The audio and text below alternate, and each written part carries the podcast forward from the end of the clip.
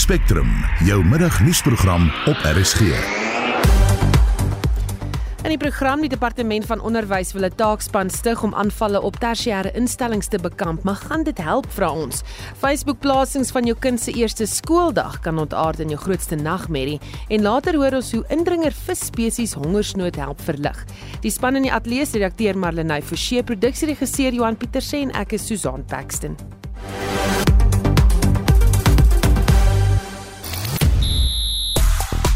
Die Sunrisers Eastern Cape en Pretoria Capitals se SA20 toernooi begin vandag. 'n Spesiale aanbod op kaartjies vir die vroue T20 Wêreldbeker toernooi en die Spanjaard Rafael Nadal en Iga Swiatek van Pole is die topgekeerde spelers vir die Australiese Ope. Ek is Shaun Schuster vir RSG Sport.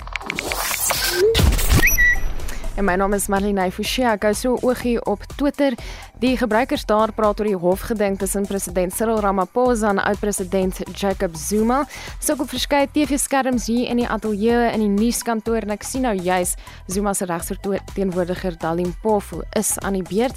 Die kragkrisis is egter loshande die gewildste onderwerp op Twitter met gonswoorde Eskom stage 6 load shedding en Nasha. Ook 'n storie waar ons gaan berig en ons praat juis vanmiddag hieroor veral hoe beerdkrag verbruikerspatrone beïnvloed. Ons wil by jou weet of jy jou inkopieslys en eetgewoontes aanpas om te verhoed dat kos sleg word. Is daar sekere kositems soos byvoorbeeld vleis wat jy nie meer koop nie of koop jy nou minder kos op 'n slag, maar dalk net meer gereeld? Jy kan 'n SMS stuur na 45889 teen R1.50. Praat saam op ons Facebookblad of stuur 'n stemnota na 0765366961.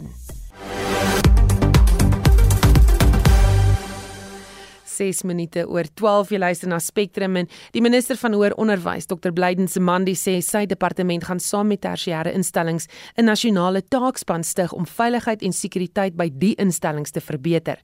Hy het die aankondiging gemaak tydens 'n besoek aan die Fort Hare Universiteit in die Oos-Kaap nadat die leiwag van die fisiekanselier professor Sakele Botlungu doodgeskiet is. Bianca Olifant het meer besonderhede. Botlungu se leiwag, Mboneli Fasele, is in 'n amptelike voertuig naby die vice-kanselier se huis doodgeskiet. Daar word vermoed dat die aanval op Botlungu, wat nie ten tye van die moord in die gebied was nie, gerig was. Tydens sy besoek het Nzimande tog gesê tersiêre instellings moet ook hulle eie strukture ontwikkel om kwessies soos die te verhoed. We are going to leave no stone unturned to fight against corruption in our institutions and also to ensure that Fort Hare is protected as an institution. We want to say to the criminals who are wanting to take over our institutions, they won't win. We are very determined. Intussen sê die president van Fort Hare se studenteraad, Sipukasi Mbalo, hulle is nie tevrede met die manier waarop die saak hanteer is nie. As the SRC and students, we are not uh, satisfied because we feel like by now at least there must be a lead as to who did this and we get the motive as to why because it really putting us in a compromising uh, position on the basis that it's very hard for even us to comment on this issue because we don't even know what was the motive behind the assassination of the vice chancellor. So we want the the perpetrator to be arrested and we want to hear what was his motive why did he do what he did Die polisie ondersoek die saak en niemand is nog in hegtenis geneem nie. 'n Gedenkdiens word vandag vir Wyle Mboneli Fasele by Fortie gehou. Die verslag deur Sidima Mfeku in Alice, Bianca Olifant vir SAK nuus. Ons bly by die onderwerp. Die fisiekanselier van Fort Hare, professor Sakele Botlungu, het nie die besoek meegemaak nie uit vrees vir sy lewe. Hy het vroeër die week reeds aan SAK nuus gesê dit is teleurstellend dat die departement van onderwys of hoër onderwys nie vroeër opgetree het nie. In March last year, on the 17th of March, shots were fired into the house of one of my deputy vice chancellors in Alice. They landed through through the window in the kitchen, landed near the fridge. Shots were fired at my house. Fortunately, nothing happened, nothing was hit. And then four shots were fired at the house of my manager. And then, most horrifically, on the 19th of May, we were at graduation. A fleet manager of ours was shot dead in Gonubi, shot dead in cold blood, assassinated. On that occasion, there was not a commission of police, there was not a station commander, there was not a national minister of anything who said anything, including our Minister of National Education. Nothing, nothing was said. It was as if a fly had died.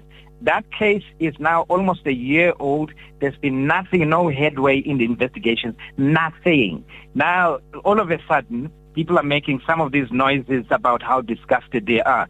First, my first question is Mr. Petrus Root, who was shot dead on the 19th of May in cold blood, daytime, and no official, no concern, no investigation, nothing.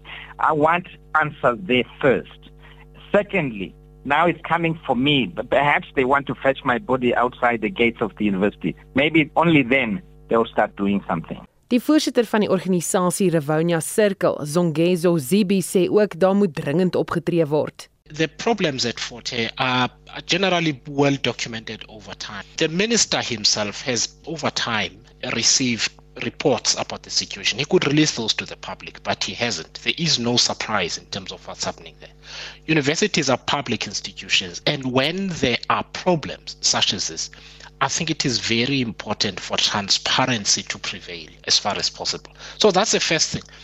But more immediately, they should assure and put measures in place and urgently so. And my understanding is that this still has not happened to ensure that not just Professor Buhlungu, but other members of staff who are helping in the cleanup are safe. Because what is going to happen if that does not occur as quickly as possible? Good people are either going to leave or it is going to be very difficult to bring good people to the institution. And we cannot have that. The third is that I think South Africans, and we will be announcing, at least together with a few academics, efforts to help the public understand the problems of entrenched and endemic corruption in institutions of higher learning involve research grants and procurement which lead to this kind of problem and if we are going to avoid the kind of problems we had during the state capture years it's important that all of us stand up and we support a wider clean out en dit was die voorsteur van die organisasie Revonia Circle Songeso Zibi in die sosiale omgewing waarin baie van hierdie kinders funksioneer, word daar gesê maar nee, dit is nie verkrachting nie, want die kind het aanleiding gegee. Nou ek wil mooi verstaan, hoe 'n kind van 9 aanleiding gee. Van tiener swangerskappe tot wyle Adrian Vlok se soeke na vergifnis. So you washed my feet. I was worried about the secretaries coming in and finding this thing happening in my office. I mean, it's, it's a strange thing to allow to happen. Dit alles in Naweek Aktueel saam met my Anita Visser Saterdag tussen 12 en 1.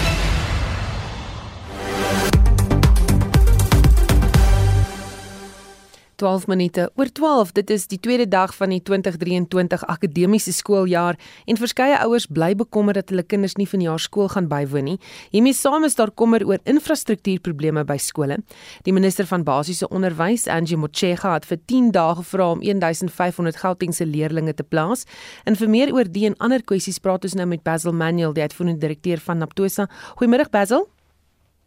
Goeiemiddag. Ek hoop dit gaan goed. Dit gaan goed, maar wat is die terugvoer wat julle op die tweede skooldag van die jaar van julle lede ontvang?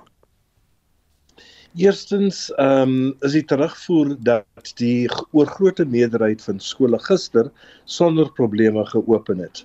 Vandag het die skole begin om die akademiese jaar uh ten volle te te begin. Maar natuurlik is daar nog inskryf uh, inskrywingsprobleme. Daar's nog skole wat besig is met leerders wat instap. Hulle het nou nie eintlik plek nie en dan moet daardie ouers verwys word na die departement en dan is daar daardie uh, oorblywende probleme van verlede jare en die jaar tevore wat ons nog mee sukkel. Maar dit beteken nie dat die skole nie geopen het nie. Maar ons moet daarin sien dat daardie probleme aangespreek word. As hoor nou in Gauteng is minstens 1000 leerders nog nie geplaas nie. Hoe lyk dit in ander provinsies? Gauteng en uh, die Weskaap word die erg ergste geraak. Want daardie twee provinsies het die grootste uh, migrering wat na daardie provinsies gebeur. Uh teen gister was die nasionale syfer ongeveer 8000. Natuurlik uh moet kusskole of die skole langs ons kus nog heropen. Ehm um, in stedelike sentrums is gewoonlik die sentrums wat die meeste onderdruk is. Ons verwag dat uh, hierdie hierdie syfer van 8000 seker gou sal verminder uh soos ons kinders begin plaas. Maar dis uiters kommerwekkend vir al uh vir ouers, veral vir kinders ook as hulle nie 'n plek het nie. Maar ons moet nou ook in gedagte hou dat in 'n provinsie soos Gauteng hulle nie weet hoeveel kinders uh, hiernatoe sal trek nie met hulle ouers. En baie van daardie kinders wat nie geplaas is wat ons gister ontdek het, het eers hier in November en Desember maand by die provinsie ingetrek. So dis dis 'n groot storie en 'n moeilike storie. Maar uh die die die syfer in Gauteng is baie baie laer as dit in vorige jare was. En dit dui seker aan dat uh goed dat dinge verbeter. Sê vir my is daar spesifieke voorvalle by skole waaroor jy veral bekommerd is? Ja, ons is. Ons is bekommerd oor skole wat oorvol is natuurlik. En as jy nou na die probleem kyk van van plek vir vir kinders, word baie skole tot op die drempel van oorvol gestoot. En dis dis moeilik want is nie net van spasies in 'n skool is ook of die ander geriewe op die skool uh die die die, die getalle kan weerstaan.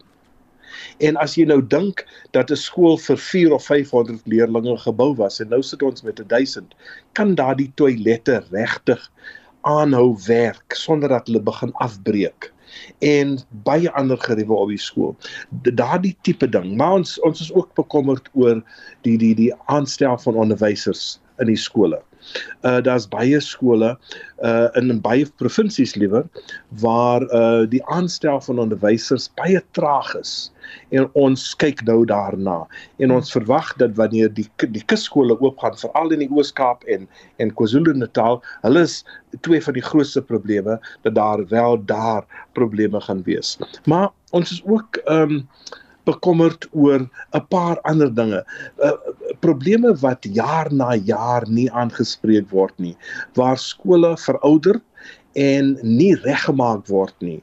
En dan praat ons natuurlik van van van die van die kinders en en hoe die kind uh uh sy sy skooldae sal onthou as die as die hele skooljaar of skoollewe vir hom in 'n afgebrokkelende skool was. Hmm. Dit wil ons mos nie sien nie. Baie dankie. Dit was Basil Manuel, die uitvoerende direkteur van Aptosa wat praat oor die bekommernis wat betref skole en infrastruktuur en doelwitte om dit te verbeter. Nou sosiale media platforms is intussen vol foto's van leerders se eerste skooldag.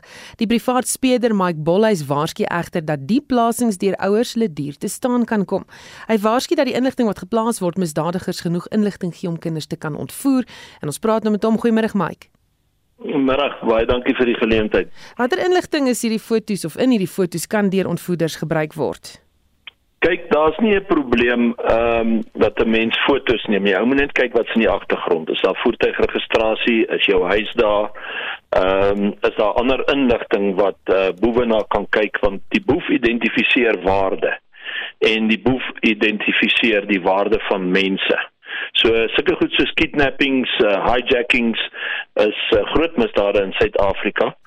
En ehm um, as jy nou net die Kardashian bling move gaan maak en jy kom met jou goud en jou duurste karre en jy neem fotos van alles en alles wat jy besit met jou kind in en dis oral op sosiale media is daar 'n moontlikheid een van as jy jou foon verloor uh dat boewe met daai inligting sit 2 as jou foon gesteel word, 3 as jou foon gehack word en 4 as jy geïdentifiseer is deur boewe, want dis wat die boewe deesdae doen, hulle identifiseer the ha sorry the haves and not the have nots. So as hulle jou geïdentifiseer het in jou waarde, dan kan hulle daai inligting bekom.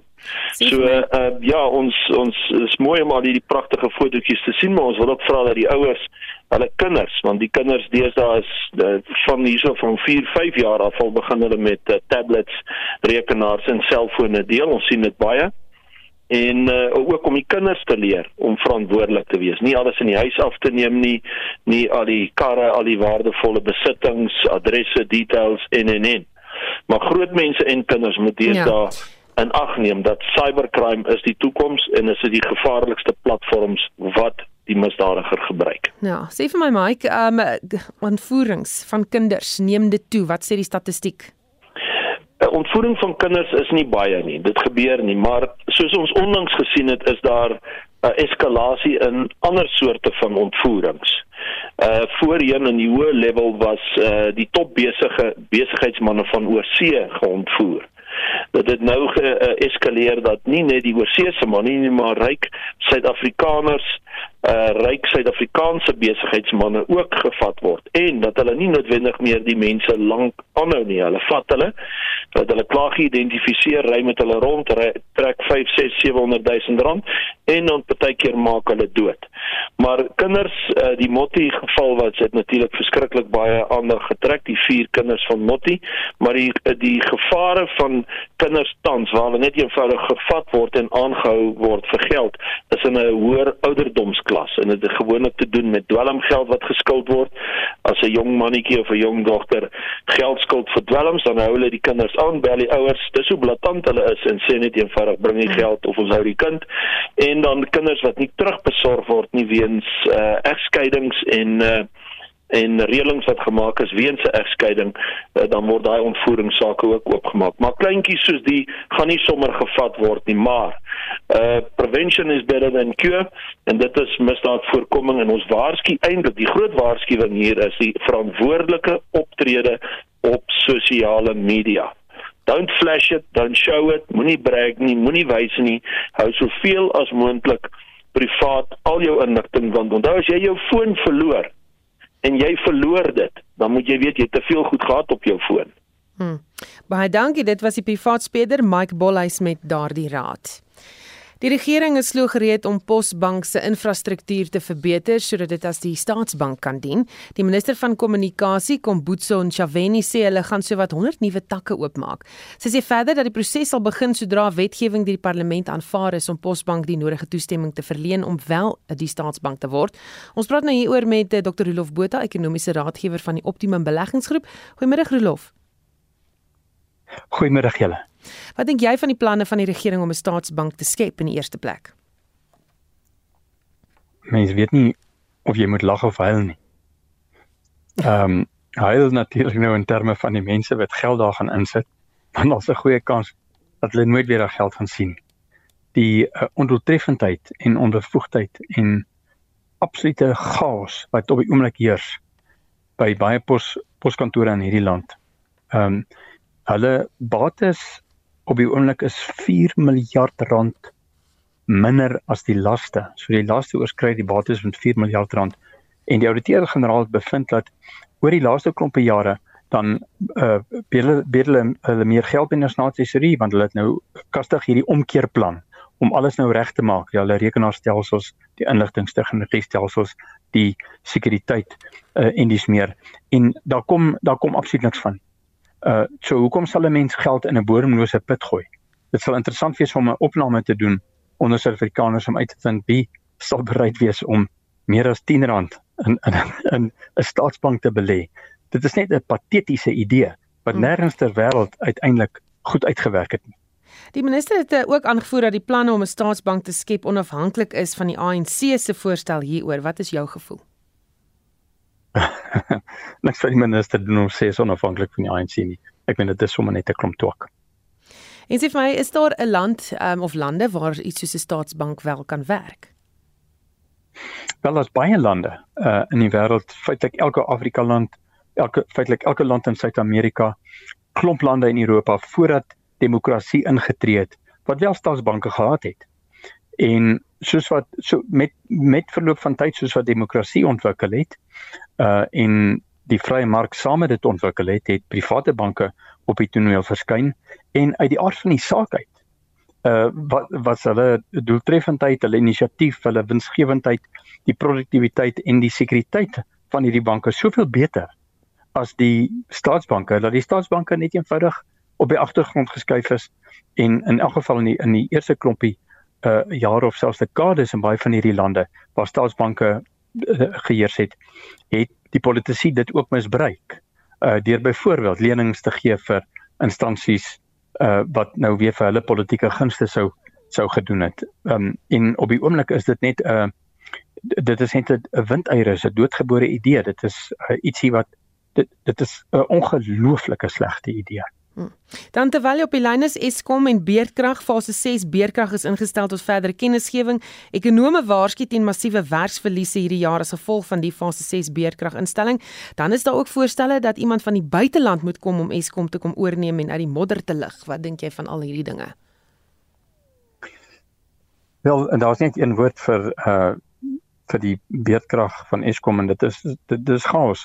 Dit is baie duidelik dat die ehm um, steenkoolkragstasie van Suid-Afrika het as gevolg van die doelbewuste gebrek aan onderhoud, voorkomende onderhoud uh wat uh, hoogtyd gevier het tydens staatskaping en dit was uh, spesifiek die mense wat deur Jacob Zuma aangestel is dat ons nou 'n prys betaal daarvoor.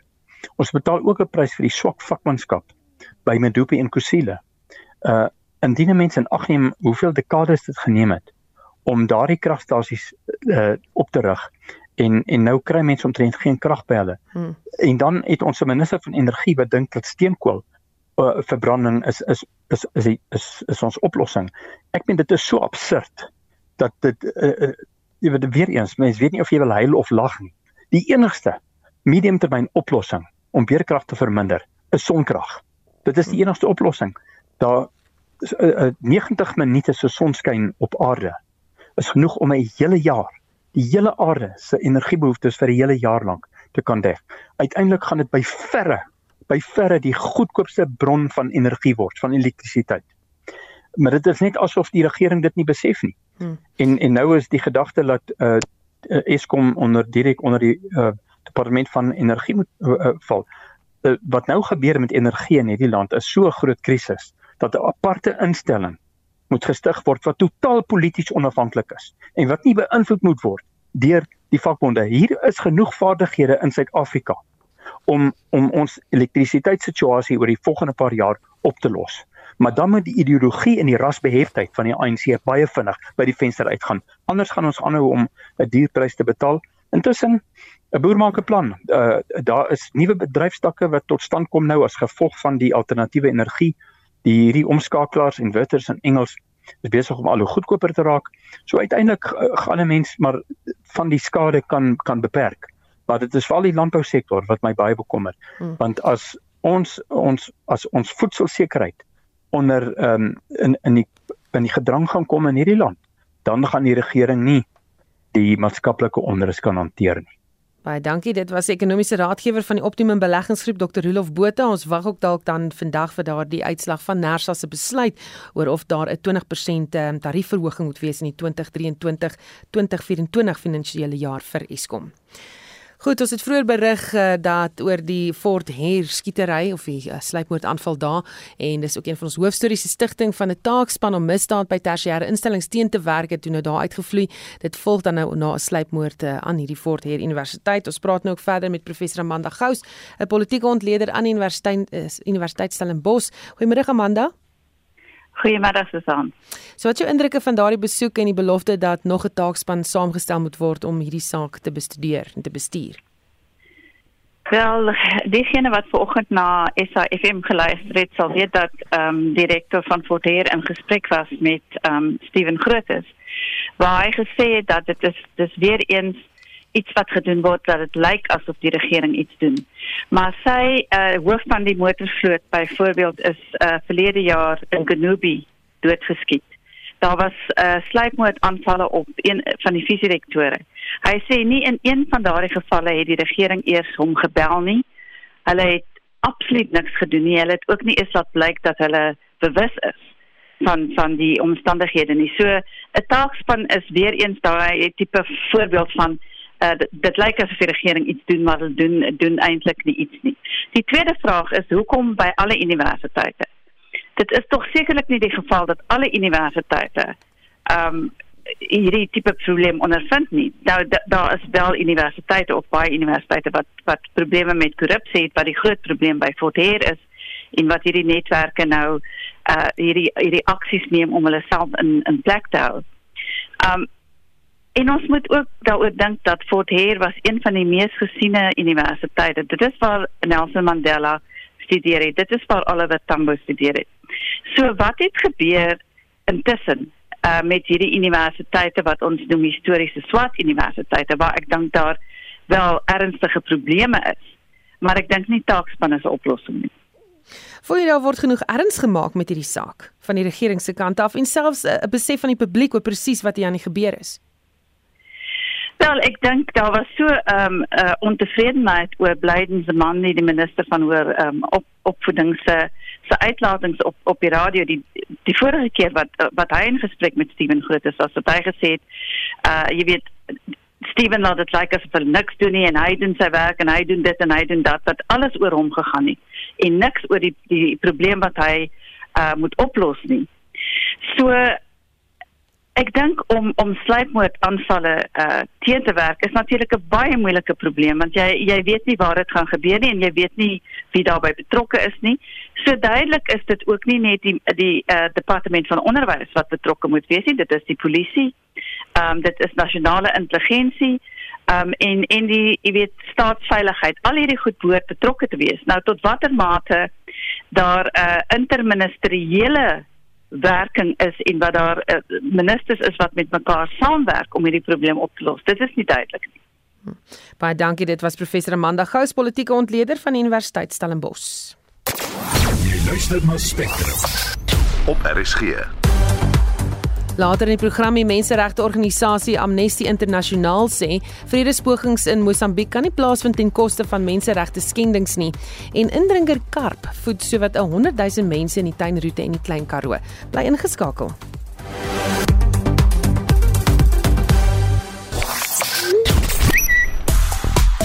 En beerdkrag het nog steeds die oorhand op Twitter, die gonswoorde daar Eskom stage 6 en load shedding. Goed en ons gesels dan nou oor hoe die beerdkrag jou kooppatrone beïnvloed en hoe jy dan dalk jou kos bestuur daar in die huis. Iemand wat sê uh, beerdkrag het beslis 'n impak op ons. Ons koop nou weekliks niks vleis grootmaat nie. Uh, ons koop maar blikkies en nie bederfbare produkte en ons bly op fase 6. Gaan ek ook DStv en die internet kanselleer want ons sukkel baie met syn op ons fone. Dis Suzet van Henneman in die Vrystaat. Dan in September het uh, gaar kos in my yskas suur geword. Dit ek besef 'n mens moet die yskas op sy koudste stel om dit op te maak daarvoor wanneer daar nou wel krag is en dit werk dan baie goed. Iemand wat daar raad het en Karen wat sê goeiemiddag. Nee, ek koop my kos soos altyd en my vrieskas werk nog altyd baie goed sê die persoon. Jy kan sit saamgesels dat weet vir ons uh, hoe hierdie beerdkrag jou kooppatrone jy weet verander in terme van uh, voedsel aankope byvoorbeeld of selfs as jy daaroor oorweeg om dinge te kanselleer soos die internet of televisiekanale. Shaun, jy is die jongste sportnuus. Ek begin met cricketnuus. Die derde wedstryd van die SA20 toernooi word vanmiddag op St George's Park in Kaberga gespeel. Die Sunrisers Eastern Cape en Pretoria Capitals pak mekaar vanmiddag van 06:30 af. Die Protea spelers Aiden Markram en Wayne Parnell is die twee kapteins. Sunrisers het Tristan Stubbs en Marco Jansen in hulle span, terwyl die Capitals groot name soos Anrich Norke en Riley Rousseau opgeraap het. Ons herinner ook graag van die spesiale aanbod op kaartjies vir die vroue T20 Wêreldbeker wat aanstaande maand hier in Suid-Afrika plaasvind. 30000 kaartjies teen slegs R30 elk is beskikbaar gestel vir die toernooi wat tussen 10 en 26 Februarie in Kaapstad Parel en Kaapberge gespeel word. Kaartjies kan aanlyn by t20worldcup.com of by die stadion se kaartjiekantore by Nieuweland, Boland Park en St George's Park gekoop word. Onthou ook dat die onder 19 vroue T20 wêreldbeker eerskomende Saterdag 14 Januarie in Benoni en Potchefstroom begin. Die loting vir die jaar se eerste tennis Grand Slam is vanoggend gemaak. Die Spanjaard Rafa Nadal en Iga Swiatek van Pole is die topgekeerde spelers vir die Australiese Ope wat tussen 16 en 29 Januarie in Melbourne gespeel word. Nadal beoog om sy 23ste en Swiatek haar 4de Grand Slam titel in te palm. Die kampioene stap met net so onder die 3 miljoen Australiese dollar, byna 35 miljoen rand weg.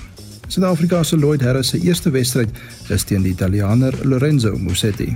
En laastens op die sokkerveld takel Fulham en Chelsea mekaar vanaand 10uur in die Engelse Premier Liga.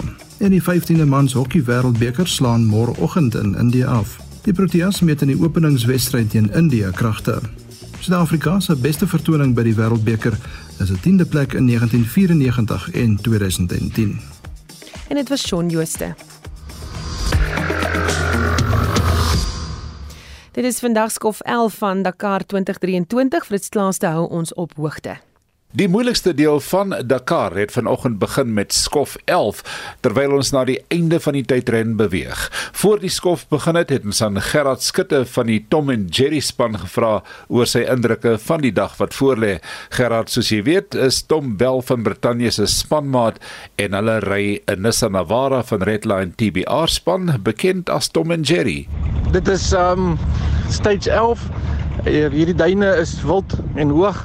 En ons het die maraton seksie, so ons sal moet mooi na die kar kyk want ons het geen service vir vanaand nie en môre se stage nie. Met ander woorde, ons gaan alles self doen. En uh, maar alles loop mooi, kar loop mooi, Tom verstaan die duine en ons het al die navigasiepunte gekry. Sterkte daar vir al die manne, dankie vir die support. En soos Gerard daar sê, is hierdie 'n maraton skof, met ander woorde aan een geskakel met vanaand se oornagpunte tydelike tentekamp en die voertuie in Park Ferme, wat beteken niemand van hulle ondersteuningsspanne of hulle self mag aan hierdie voertuie raak tydens Park Ferme nie en môreoggend voor hulle vertrek kry hulle eers die roetekaart en weg is hulle. Slegs die renjaer self mag intussen werk in die voertuie as hulle teespoed optel of 'n mededeelnemer van 'n ander span mag ook handjie bysit.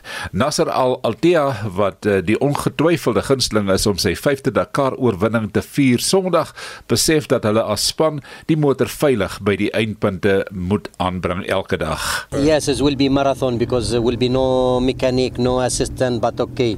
I will try to do my best and uh, also I have uh, my teammate uh, Janil and uh, he stay behind us uh, all way you know this is uh, teamwork and now we need to just to to bring everything uh, home En so het uh, sake 'n rukkie gelede gestaan by die motorfietsse Luciano Benavides van Aswana in die voorste posisie, tweede Daniel Sanders van Red Bull Gas Gas Factory Racing en 'n derde Toby Price van Red Bull KTM Factory Racing. Skyler House bevind hom in die vierde plek en vyfde Pablo Quintanilla. Wat die motors betref, is Sebastian Loop van Bahrain Ride Extreme tans die voorloper, gevolg deur Matthias Ekstrom van uh, Team Audi Sport.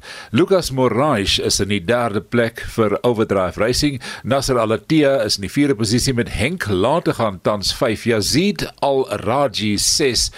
Jakob Pregonski is tans in die 7de posisie. Ons het nog nie idee waar lê Janiel de Villiers op die oomblik nie.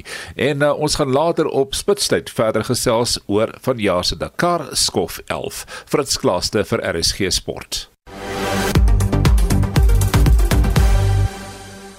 Ons eh, keer ook terug na 'n storie wat wyd opslag gemaak het die week die voorval waar weermaglede van Suid-Afrika en Botswana lyke op 'n brandstapel gooi word wyd veroordeel en 'n video wat na bewering in November geneem is en vroeër die week op sosiale media versprei is, waar die lijk van 'n beweerde ISIS soldaat met mening op 'n brandstapel dan nou geslinger. Voorwerpe word ook op 'n ander lijk geslinger terwyl die stapel aan die brand gesteek word. Amnesty Internasionaal sê vrede in die Cabo Delgado gebied kan nie gehandhaaf word ten koste van menseregte nie. Die woordvoerder, Genevieve Quintal het die verklaring uitgereik. The viral video showing soldiers burning corpses is another horrific event that gives a glimpse of what is going on away from the attention of international media in this forgotten war in Cabo Delgado. Tragically, it appears that incidents of violence against civilians, extrajudicial executions, and other human rights violations and violations of international humanitarian law are still occurring, as previously documented by Amnesty International. The burning of what appears to be dead bodies by soldiers is deplorable and is likely a violation of international humanitarian law, which prohibits the mutilation of corpses and requires that the dead be disposed of in a respectful manner. En die DEA se minister van verdediging Kobus Maree het die voorval ook gister op Spectrum veroordeel dit gaan hier oor die manier hoe dit hanteer word en daar is baie duidelike voorskrifte oor hoe jy met lyke te werk gaan en dat jy nie onmenswaardig en sonder integriteit daarmee moet omgaan nie. Ons eie soldate is baie keer onderhewig aan sterftes in konflikgebiede en ons wil nie hê dat ons eie soldate se lyke so behandel word nie. Sou dit nie afgeneem geword het nie, sou ons waarskynlik nie geweet het daarvan nie. Sou daai Suid-Afrikaanse spesmag soldaat nie daar geloop het met sy geweer op die grond gesleep het en met sy foon gestaan het nie, sou ons waarskynlik nie geweet het dat 'n Suid-Afrikaanse soldaat betrokke is nie. Ons weet dat saam met sy bevelvoerder wat 'n Suid-Afrikaner is, het onderneem om sy eie ondersoek te doen. Ongelukkig is dit nie vir ons genoeg nie. Daar moet verantwoording wees en indien iemand die wet oortree het, dan moet mense verantwoordelik gehou word en aanspreeklik gehou word. Ons praat nou verder met professor Abel Estreise van die fakulteit Krygskunde aan die Universiteit van Stellenbosch. Goeiemôre Abel. Goeiemôre Susan. Is dit wat ons op hierdie video sien 'n oorlogsmisdaad? Ja, dis natuurlik 'n baie wye vraag. Ehm um, Maar kom ek sê dit so, uh dis ooglopend dat daar probleme is in terme van internasionale regsreëls en in in terme van die reg wat ehm um, die gedrag van soldate in ehm um, militêre operasies uh, reguleer. Ehm um, en dis universeel. Ehm um, so ek dink as ek na die video kyk, is daar definitief probleme wat daar uitstaan. Daar is konvensies teen sulke optrede ingestel. Is dit juis om te voer dat dit gebeur omdat hierdie gevalle wel gebeur in oorlogssituasies? Ja, mens moet onthou dat oorlogssituasies is is dikwels uh, situasies waar mense in baie grys areas uh, opereer in terme van uh, menseregte want oorlog is ten beste 'n uh, 'n uh, uh, aktiwiteit waarin mense doodgemaak word. Dit moet ons ook aanvaar. Maar ek dink die die twee vorige sprekers die die die sleutelwoorde wat vir my daar uitgekom het in in beide van hulle se opmerkings uh is die idee van respek en uh die idee van van menswaardigheid wat meneer Maree uh beklemtoon het en ek dink dit is op die ou end ook wat die wet ten doel het om respek en menswaardigheid uh daar te stel in die hantering van selfs jou vyande. Want van ons minister van verdediging, daar's nog geen reaksie op hierdie politieke vlak gewees nie. Ja, dis vir my baie interessant. Ek meen 'n mens kan verwag dat die weermag uh, tipies bureaukraties sal reageer op op so 'n uh, 'n tipe van 'n uh, video dat hulle sal sê hulle gaan dit ondersoek en dat hulle dit sal aanspreek. Maar dis dis een ding om 'n bureaukratiese verklaring daaroor uit te reik. Uh die die die minister kan ongelukkig nie bureaukraties uh, daaroor uh, daarop reageer nie. Sy sal moet polities daaroor reageer want dit plaas Suid-Afrika polities uh in die in in in die die spervuur. Um en en kom ek noem twee aspekte hier wat ek dink belangrik is. Die een is die vraag hoe um uh, SADC en en en die Afrika Unie gaan reageer op Suid-Afrikaanse en uh, soldate uit Botswana uit uh, wat uiteraard betrokke is hier en en dit plaas dit natuurlik um, op die politieke domein. Uh, daar's daar's geen manier wat dit nie op politieke vlak hanteer moet word uh, binne SADC en en binne die Afrika Unie nie. Maar daar's my 'n groter vraag hier Susan en En dis die vraag, hoe sou die Suid-Afrikaanse regering gereageer het as kom ons noem 'n voorbeeld, dit Amerikaanse soldate was wat so ehm uh, uh omgegaan het met uh kom ons sê Irakese lyke of Afghaanse lyke. Ehm um, hoe sou die Suid-Afrikaanse uh, regering polities gereageer het? op so iets. En en ek dink dis die vraag wat ons moet vra as ons as ons dink oor en ons en ons argumenteer oor hoekom die minister nog nie gereageer het op hierdie voorval nie. Ek dink dit sê iets dat daar nog nie op 'n politieke vlak gereageer is uh, nie. Die minister kan nie bureaukraties daarop reageer nie. Sy moet polities daarop reageer. Dan is daar natuurlik 'n klomp gesprekke, jy weet, op sosiale media, mense wat praat daaroor, mense wat in die weermag was en sê, maar goed, dit is oorlog, dit gebeur, daar word voorsiening gemaak daarvoor. Maar as mens kyk na hoe hierdie persoon se lijk hanteer word, um, of die liggaam hanteer word en die ander liggaam hanteer word, uh, is die ander vraag ook hoe sou jy gevoel het as dit iemand is wat jy ken, wat jy ewesklik sien op uh, sosiale media platforms op 'n video wat so behandel word? Ja, absoluut. Ek ek meen dit dit is die die sentrale vraag as ons praat oor respek en en menswaardigheid. Uh, kom ons kom ons wees eerlik, uh Susan, hier's 'n doelbewuste ehm um, hantering van van lyke op 'n op 'n onmenswaardige en op 'n disrespekvolle manier. Ehm um, dit is nie aanvaarbaar nie. Dis op geen uh, in geen weermag aanvaarbaar nie. Uh 'n mens kan verstaan dat in in die heat of battle soos hulle sal sê wanneer jy regtig in 'n kontak situasie is dat daar soms goed gebeur wat nie moet gebeur nie. Maar hier is jy absoluut in 'n in 'n logistieke omgewing waar daar geen bedreiging is nie, waar daar geen rede is om disrespekvol en en en uh op 'n op 'n ons onmenswaardige manier uh met met die dooies om te gaan nie absoluut absoluut onaanvaarbaar. Dit is nie aanvaarbaar nie. En en hier is die vraag dood eenvoudig, ehm uh, het die Suid-Afrikaanse en die soldate in die algemeen van die Afrika Unie opleiding ontvang uh in terme van die die internasionale regsreëls, die sogenaamde law of armed conflict. Ehm uh, en en as hulle 'n uh, opleiding ontvang het, hoekom oortree hulle dit? En en as dit dan op swak dissipline neerkom dan moet daar gehandel word met daardie soldate. Hm. En daar word ook gereeld gevra dat soldate die land se wet en orde moet herstel, jy weet binnelands. Na dese na ons gesien het hoe ons soldate daar optree, wat dink jy van die voorstel?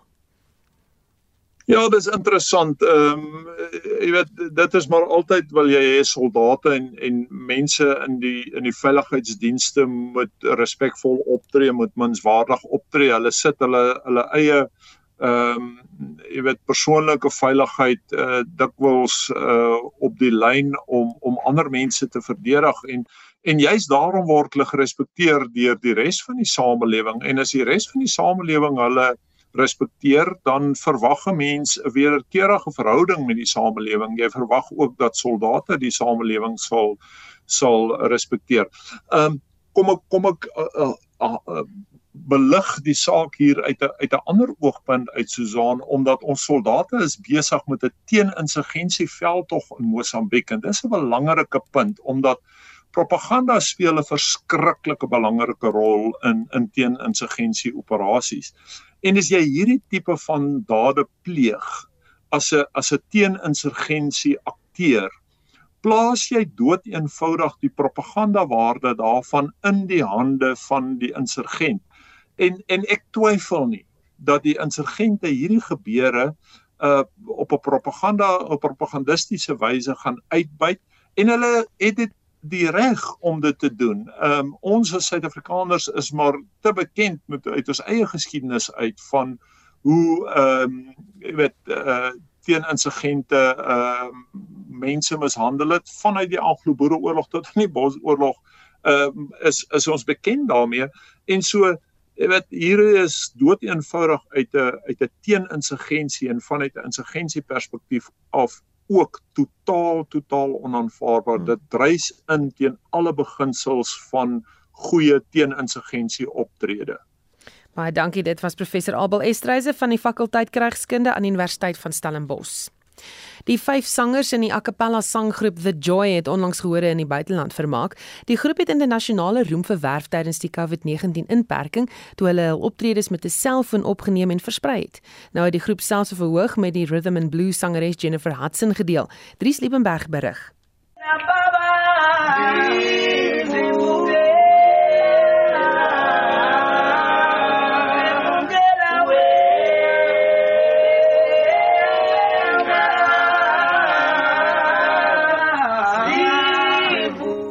The Joy is terug op eie bodem na 'n suksesvolle toer na Brittanje en die FSA. Die Londen-gebaseerde musiekvervaardiger Ben Ash sê hy was baie opgewonde om uiteindelik in 'n ateljee met die jong kunstenaars te kon saamwerk nadat hulle in 2020 'n kontrak geteken het. I met them just before lockdown and they came to London for the first time after 3 years waiting to try and get them here and finally we're here.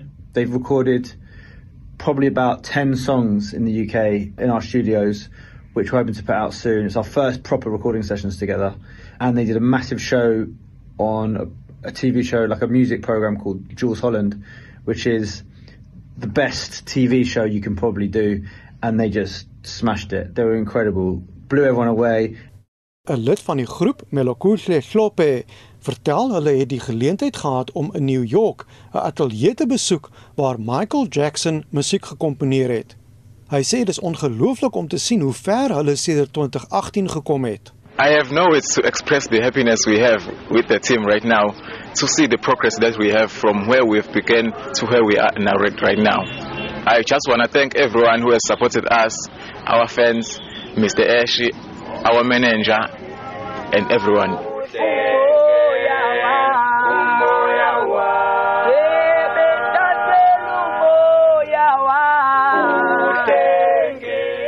Die vyf sangers het destyds The Joy gestig om aan die slaggate van misdaad, dwelms en drankmisbruik te ontsnap wat dikwels deel van lewe in die township is. Kloppe sê ondanks hulle nuutgevonde sukses, is daardie ervarings steeds die inspirasie vir hulle musiek. When we compose songs, the message we want to give to people is we want them to see how we live and how we want to change our lives from the songs we are writing. So it's like we are telling a story of how we grow up and how we want to be when we older. Yeah. noma ngabe izindle zodaka noma ngabe izindle zodaka wemntanami kusekhaya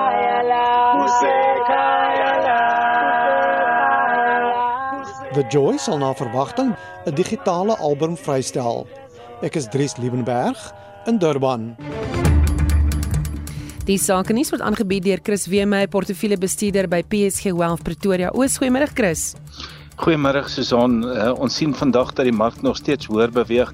Die algehele indeks nou net 'n half persent sterker op 78877 en is veral die finansiële aandele wat goed vertoon vandag. Die finansiële indeks 2% sterker, Navrats 0,1% hoër en die hulpbronne tans onveranderd.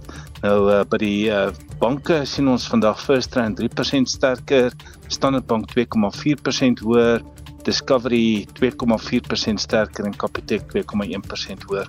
So nie 'n slegte dag nie, meeste van die banke in die groen vandag en dan by die nywerheidsaandele sien ons 'n paar aandele wat uitstaan vandag. Bidkop 3,7% sterker, Bidwest 2,6% hoër. MTN 2,6% sterker en dan uh, sien ons ook Sasol vandag 2,2% hoër met 'n hoër olieprys. Nou uh, internasionaal sit die markte maar in wag. Inflasiesyfers kom vanmiddag uit in Amerika en hulle verwag dat uh, inflasie gaan daal vir die 6de maand na 6.5% vir Desember 2022. As daai syferhoring kom kan ons maar verwag dat die markte gaan terugsak. Ehm um, as mens net gaan kyk na die markte internasionaal ook vandag sterker in Londen verhandel die FTSE nou 0,6% hoër Frankfurt die DAX 0,6% sterker en en Parys die CAC 0,7% hoër. Die rand ook uh, sterk teenoor die dollar op R16.89. 'n Euro kos jou tans R18.18 en 'n pond R20.57. Dan die goudprys op uh, 1883 dollar per fyn ons platinum op 1077 dollar so 0.5% swakker en Brent olieprys wat so 1,3% sterker verhandel op 83 dollar 71 per vat. Susan dis al van my kant af vandag baie dankie. Dankie, dit was Chris Wemer, portefeuljebestuurder by PSG Wealth Pretoria Oos.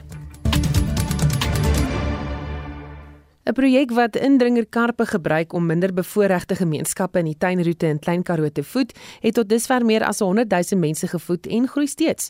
Die projek is begin deur die humanitêre organisasie Gift of the Givers in samewerking met Cape Nature en ander belanghebbendes. Tanya Krause doen verslag.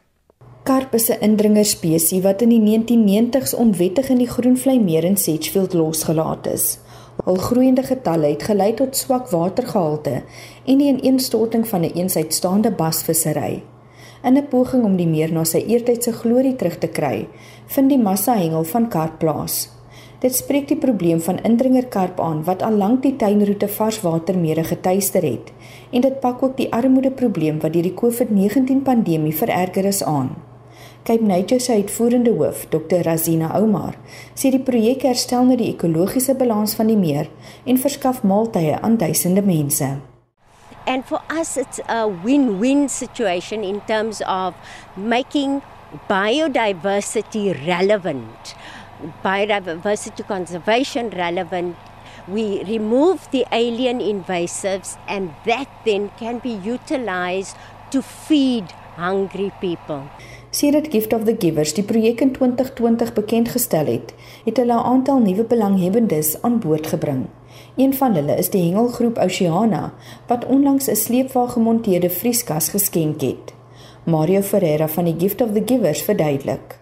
Ons deel vandag hierso aan uh, die vis wat ons hier het omtrent 3000 mense sal daar uit baat vind uh, wat maal um, maaltye betref teen vanaand. Ons het in totaal sover oor die 110 000 mense gevoer uit hierdie projek uit en is iets wat net aan standhoudend is wat aanhou. Elke vangs by die meer kan tussen 400 en 800 mense per dag voed. Sopkombuise in die townships is die wat die meeste baat en verskaf voedsame maaltye aan kinders en volwassenes in die gemeenskappe. Erika Kordan bestuur 'n sopkombuis in Smitswil. Omdat die vis het 'n uh, 'n uh, uh, spesiale uh, vitamiene wat mense se liggame nodig het en omdat mense nie kon gaan werk nie, hulle kon nie vir hulle 'n stukkie vleis koop nie, hulle kon nie 'n stukkie vis koop nie, maar hierdie vis het dit voorsien wat hulle nodig gehad het. En dit was net wonderlik om mense te kan bedien met iets wat uit ons eie natuur uitkom. Jim Mitchell van Slowtown Mobile Meals is ook 'n begunstigde. This has a possibility of of really resolving the food shortage issue. Uh, it it has helped Sedgefield specifically because we've been able to extend our outreach to other communities which are also suffering. So it's enabled us to do more work because of the gift of fish. Tot dusver is die projek 'n groot sukses. Van die vis word ook na organisasies in die Klein Karoo gestuur vir verspreiding. Die projekvennote wil ook voortbou op hul sukses deur ondersoek in te stel na ander mere in die gebied om nog meer gemeenskappe te voed.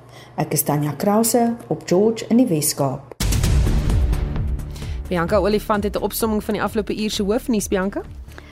'n Vol bankregters in die Hooggeregshof in Johannesburg hoor 'n aansoek van president Cyril Ramaphosa aan waarin hy vra dat sy privaat vervolging deur sy voorganger Jacob Zuma gestaak word. Die prokureur van die president, advokaat Mwako Maneche. Of course we have a right to go to that court.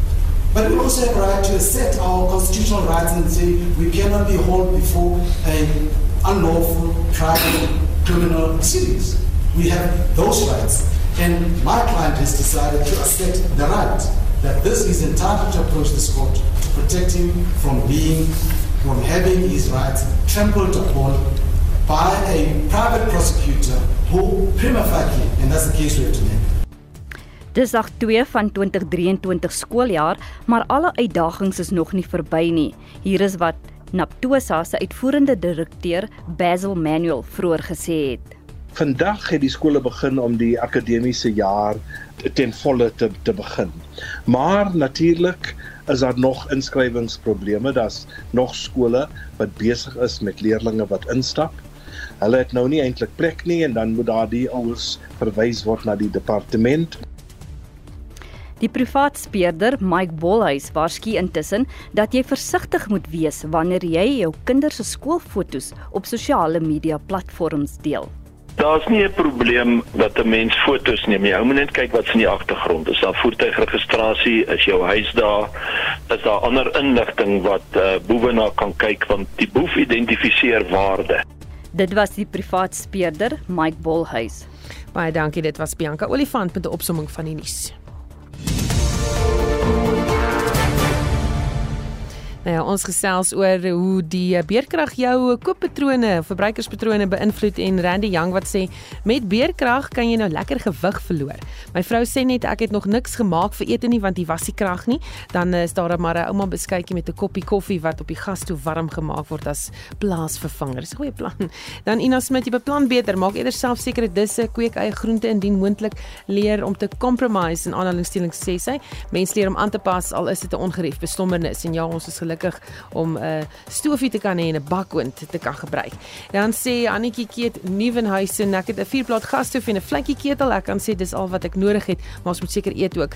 Beplan maaltye so tydens of tussen hierdie weerkrag deur. Gelukkig werk my man skofte en is mense van die tyd by die huis wanneer die aandete bedien word.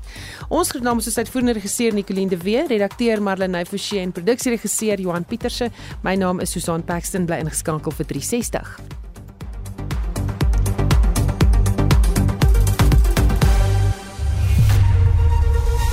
SAK nuus. Onafhanklik, onpartydig.